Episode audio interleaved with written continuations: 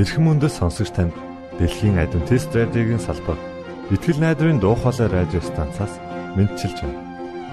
Сонсогч танд хүргэх маань нэвтрүүлэг өдөр бүр Улаанбаатарын цагаар 19 цаг 30 минутаас 20 цагийн хооронд 17730 кГц зөвлөлтөөр 16 метрийн долгионоор цацагдж байна.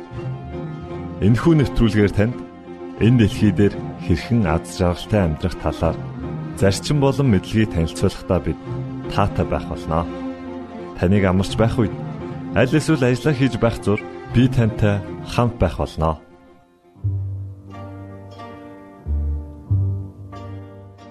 Өнөөдрийн нэвтрүүлгээр танд итгээд даг хэмэх сайхан дуу хүргэж байна. Үүний дараа та өөрийгөө байлдан дагуулагч болгон хөгжүүлэх хэмэх цуврал нэвтрүүлгийг сонсох болно та бүхэн таалан сойрхно.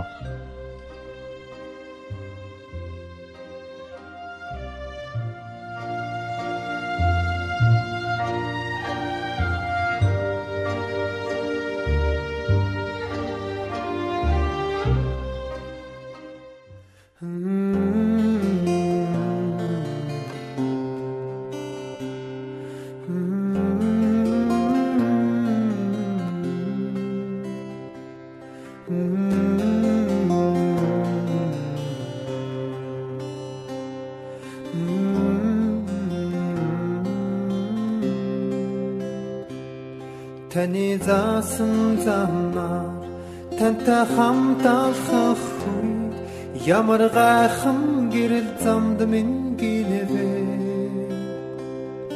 Таны хүслийг үйлдэж танд итгэж дагах үед бидний дэргэд хамт байсаар байдаг.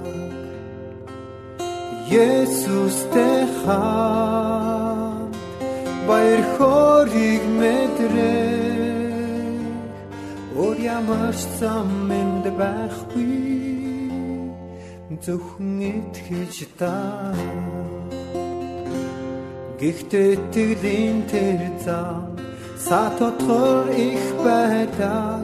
Халуун хайрыг тань яаж тэд мэдэх Гэрэлт найдвар дотороо аялаж байгаа хүнгүүр таны бэлдсэн баяр баясгаланд орно. Есүстэй хамт баяр хөөргийг мэдрээ өөр ямар зам энд байхгүй зөвхөн итгэж даа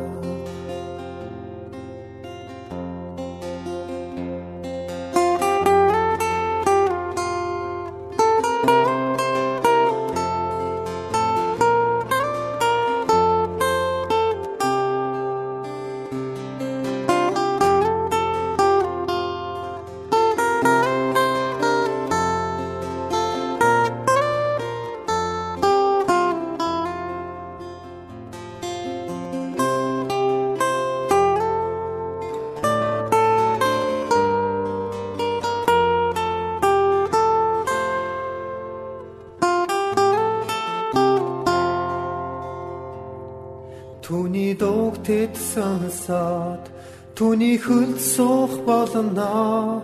Тэгээд өргөдөн алхаж ярилцах болно. Ямар ч айдасгүйгээр таны хүслийг биелүүлж зөвхөн танд итгэж таныг дагна. Есүстэй хаа баяр хориг ямар зам энд байхгүй. Есүстэй хаан баяр хориг мэдрээ Өөр ямар зам энд байхгүй. Зөвхөн итгэж та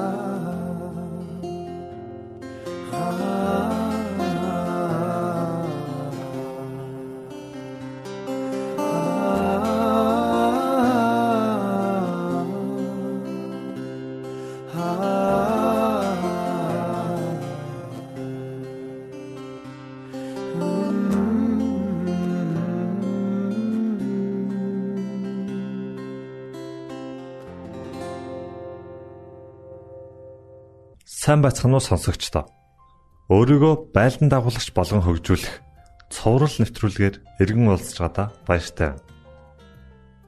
Бид таван зарчмыг судалж буйлаа. Энэ удаагийн зарчим бол лантуун зарчим буюу дөрөвдүгээр зарчим. Бусдын толгойг хизээч бүү лантууд. Александр Маклерен хэлэхдээ хэрв та дэлхийг ялахыг хүсвэл уян зөөлнөр ханд харин бүү лантуу нүглэг гэж хэлсэн байдаг.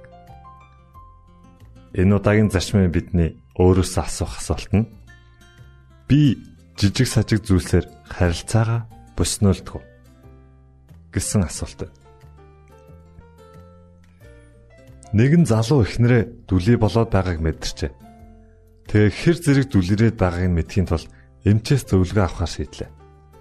Тэгтэл эмч түнд эхнэрийнхээ ар 5 м орчим зайнаас асуулт асуугаад үзээрэй. Хэрвээ сонсохгүй бол 4 м гэх мэтээр ойртоод асуугаад бай гэж зөвлөжээ. Ингээд майнер эхнэрээ оройн хоол хийж байхад нь 5 м-ийн зайнаас хараа ямар хоол хийж байгаа юм бэ гэж асууж. Гэвч эхнэр нь юу ч хариулсангүй. Тиймээс тэрээр дахин 1 м ойртон асуусан боловч мөн л хариу сонссонгүй. Энэ мэт метр метрээр ойртсон боловч хариу сонсоогүй тул эцэст нь яг эхнэрийнхээ ард ирээд ямар хоол хийж байгааг нь асуулаа. Гэтэл эхнэр нь "Жим, дахианы мах идэнэ" гэж 5 удаа хэллээ шүү дээ гэжээ. Энэ түнд эхнэрийнхээ биш өөрийнхөө сонсголыг шалгах ёстойг сануулжээ. Би эхнэр Маргариттайгаа 1969 оны 6 сард гэрэлсэн. Бид бусад хосуудын л адил цаашдын амьдрал маань дардан зам шиг шулуун сайхан үргэлжлэнэ гэж итгэж байлаа. Гэтэл бидний хүссэн хүлээлт талаар өнгөрөх нь тэр. Мэдээж шүү дээ. Бид бие биенээсээ өөсөө олж харсаар хаяа нэг маргалдаж зөрчилцөөр улмаар үүнээс гарах үр дагаврыг амсаж эхлэв. Ийхүү гэр бүлийн амьдралд хэрхэн зохицож амьдрах вэ гэдэг асуултын хариултад нэлээд цаг гарах шаардлагатай боллоо. Хүн бүхэн л миний зөв гэж өөрийгөө мөрдөг шиг Маргаret бас миний зөв байдлыг хүлээн зөвшөөрөх ёстой гэж би бодож байлаа.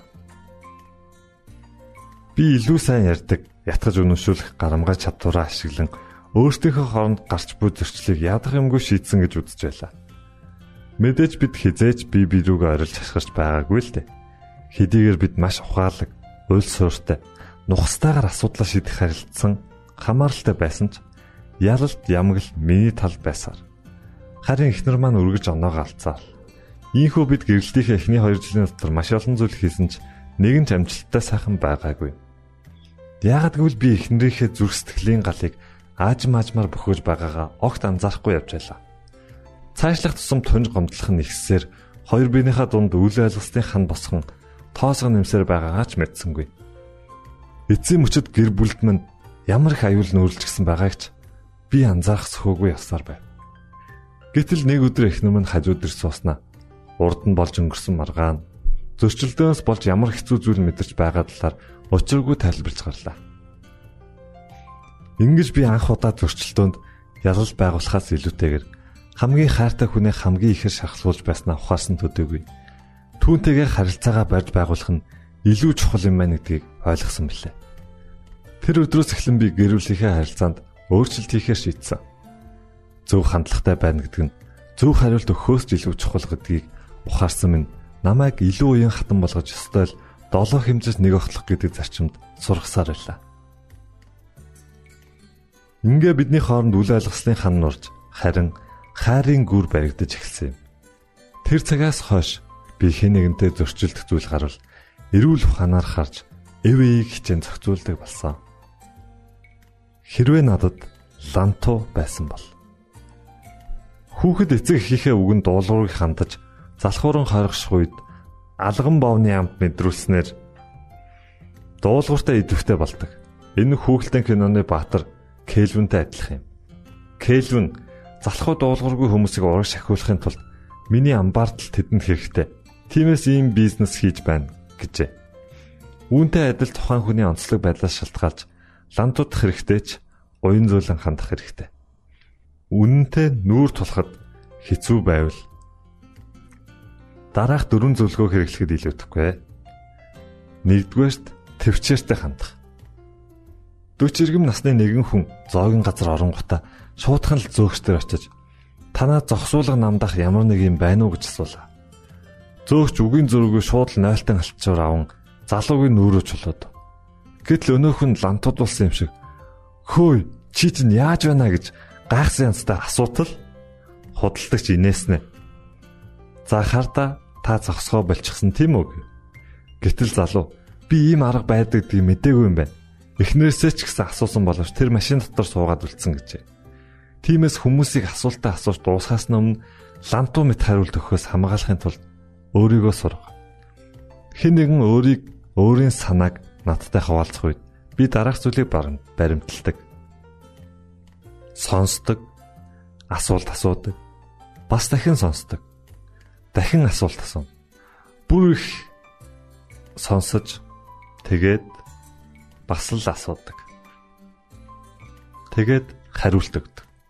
Би хэдий ч нэ өөрийгөө нөгөө хүний оронд тавих тусам төдий ч нэ төвчээртэй илүү зөв зохистой болдог гэдгээ мэдсэн. Хоёрдугаар зөвлөгөө. Тохирсон хугацаа. Зохиолч Даан Заадрагийн бичсэн нэгэн тэмдэглэл. Чи хизээ хийх гэж байгаагаа биш, харин юу хийх гэж байгаагаа тооцоол гэсэн байна. Харин би үүнтэй санал нийлдэв. Хэрвээ генерал хүн зөв цагтаа л дайралтаа хийхгүй бол тулаанд ялагдал хүлээн. Хүн дээр өвчлсөн хүүхдээ эцэг их нь хурдхан шиг эмнэлэгт аваачихгүй бол хүүхэд үхэх ч аюултай. Хэрвээ та хэн нэгнээс уушлах үедээ л гоохгүй бол харилцаа чинь бүр мөсөн дуусах болно. Зохиолч хатагтай Дороти Невел хэлэхдээ ярианы жинхэнэ ур чадвар нь зөв цагт зөв үг хэлхээс гадна хэлмээр байсан буруунд хэллгүүлэлтэй хэлдэг хэмээн маш чухал зүйл анхааруулсан байдаг. Тийм ээ. Зөв цагт хийсэн таны үйлдэл нь хамгийн чухал юм. Мэдсээр байж хийхгүй байна гэдэг нь томоос том асуултын тэмдэглэлээ. 3 дугаар зөвлөмж дууны өнгө. Өрх толгоос нэгэн эмэгтэй 3 болон 5 настай хоёр хүүхэдтэй байжээ. Тэрээр хүүхдүүдийнхээ бүдүүлэг яриаг байнга засах гэж оролдог байв. Тэгэж чадах бүх зүйлээ тэдний төлөө хийж бүр сэтгэл зүйчдэр хүртэл аваадсан боловч ямар ч нэмэр болсонгүй. Ингээд эмэгтэй арга тасарч дотроо инхүү боджээ. Ерөөсөө тэдний энэ муу зуршлыг засахгүй л бол би хинч биш болох нь. Хүүхдүүд маань үргэлжлүүлэн хараал хэлсээр байх болно. Тэгэхээр ах нарыг минь хараал хэлэх үед ээжийн хэрэглэж байсан аргыг л хэрэглэе дээ гэж шийджээ. Тэгээд маргааш өглөө болоход 5 настай хүүн сэрээд галтаараа галтоогоо руугаа ортол ээж нь Хүү минь өглөөгөнийхөө цайнд юу идэх вэ гэж асуув. Хүү ээж рүүгээ хараад жаахан жимсний чанал гэснээ хараал хэлв. Тэгтэл ээж нь түүнийг алгадаж орхитол хүү үсрээд явчихав.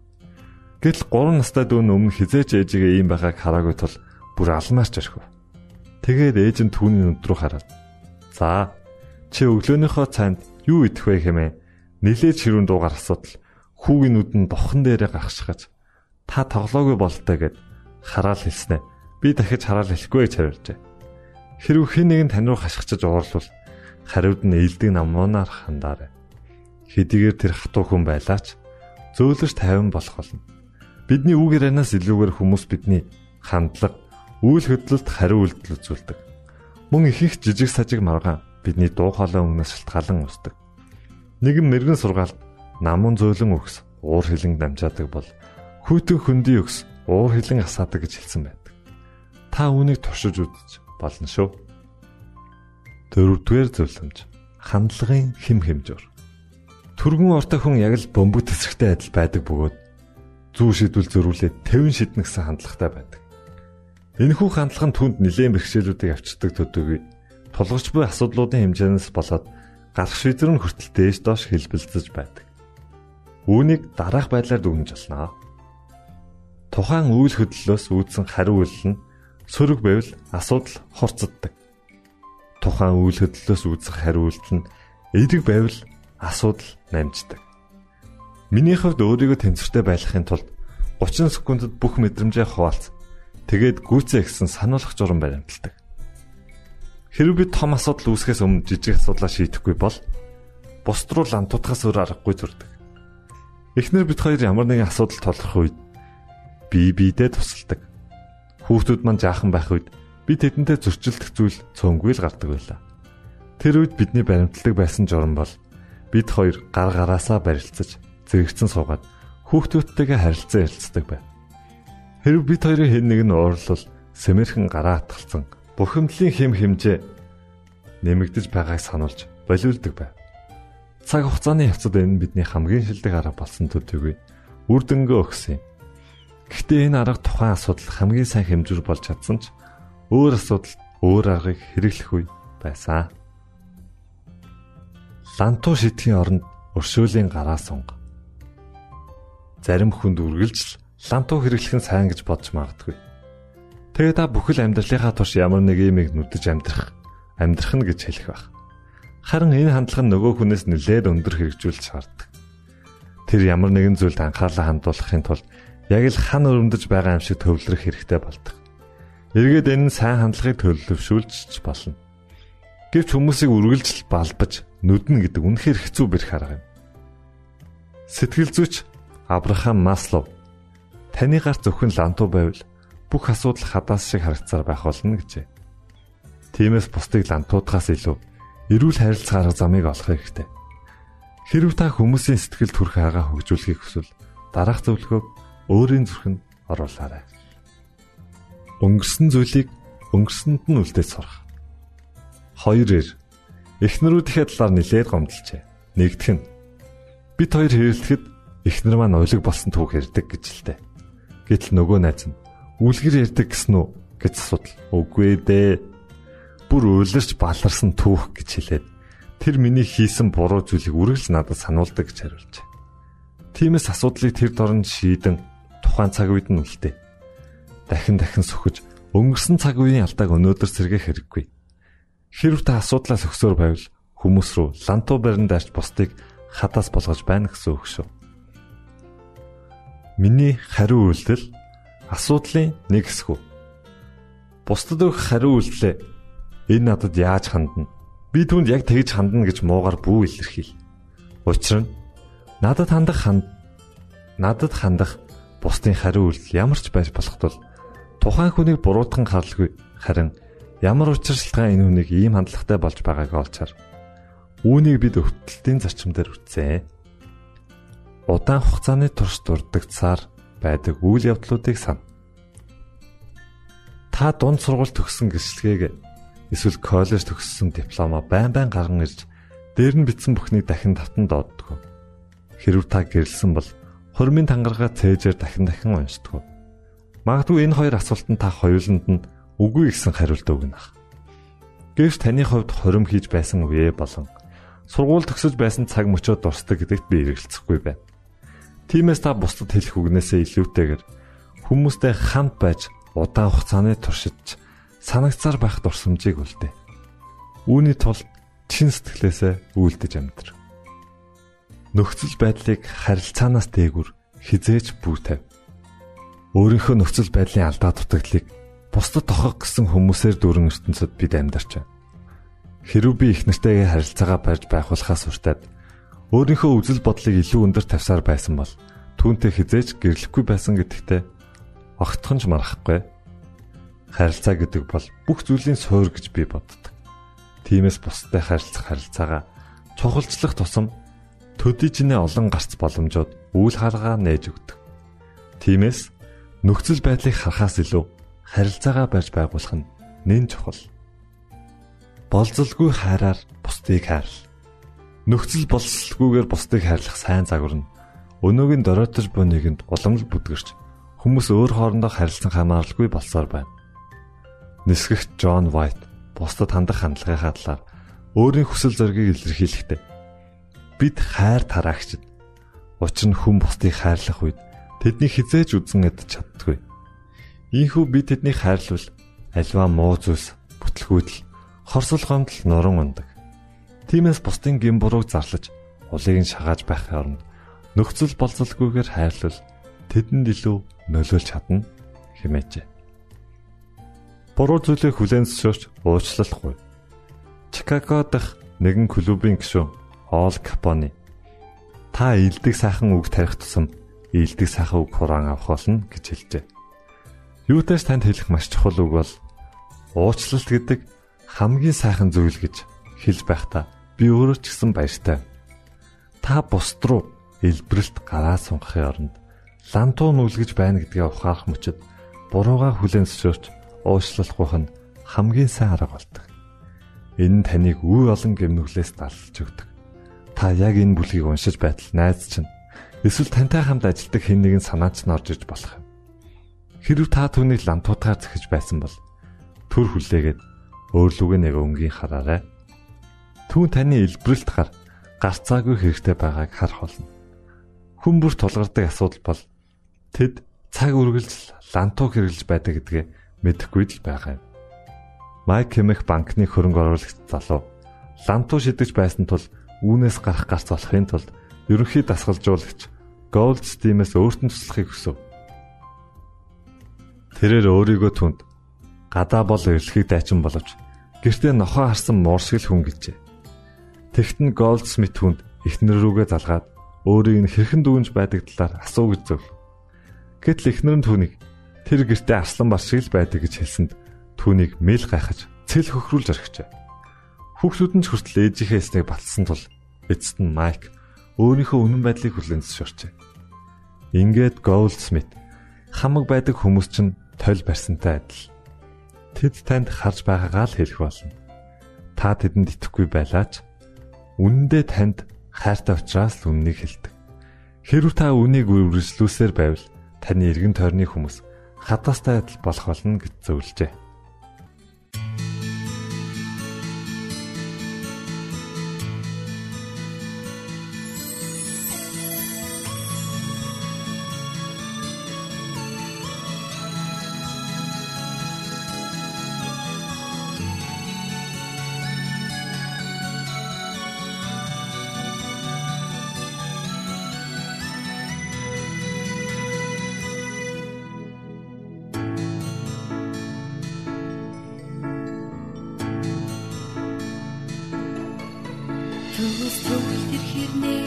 Даруухан аврагч хизээ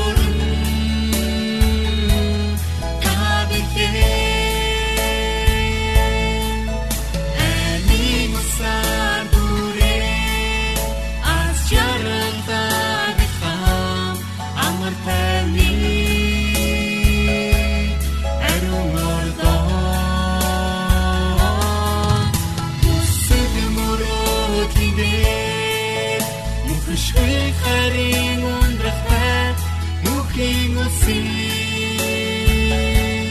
Баяр хөрн та билээ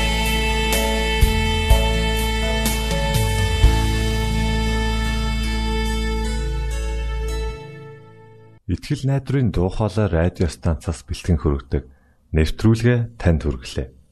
Хэрв та энэ өдрийн нэвтрүүлгийг сонсож амжаагүй аль эсвэл дахин сонсохыг хүсвэл бидэнтэй дараах хаягаар холбогдорой. Facebook хаяг: Satiin үсгээр Монгол заавад AWR Имейл хаяг mongol@gmail.com Манай утасны дугаар 976 7018 24 9 Шуудангийн хаяг 16 Улаанбаатар 13 Монгол улс Биднийг сонгон цаг зав аваад зориулсан танд баярлалаа. Бурхан таныг ивээх батугай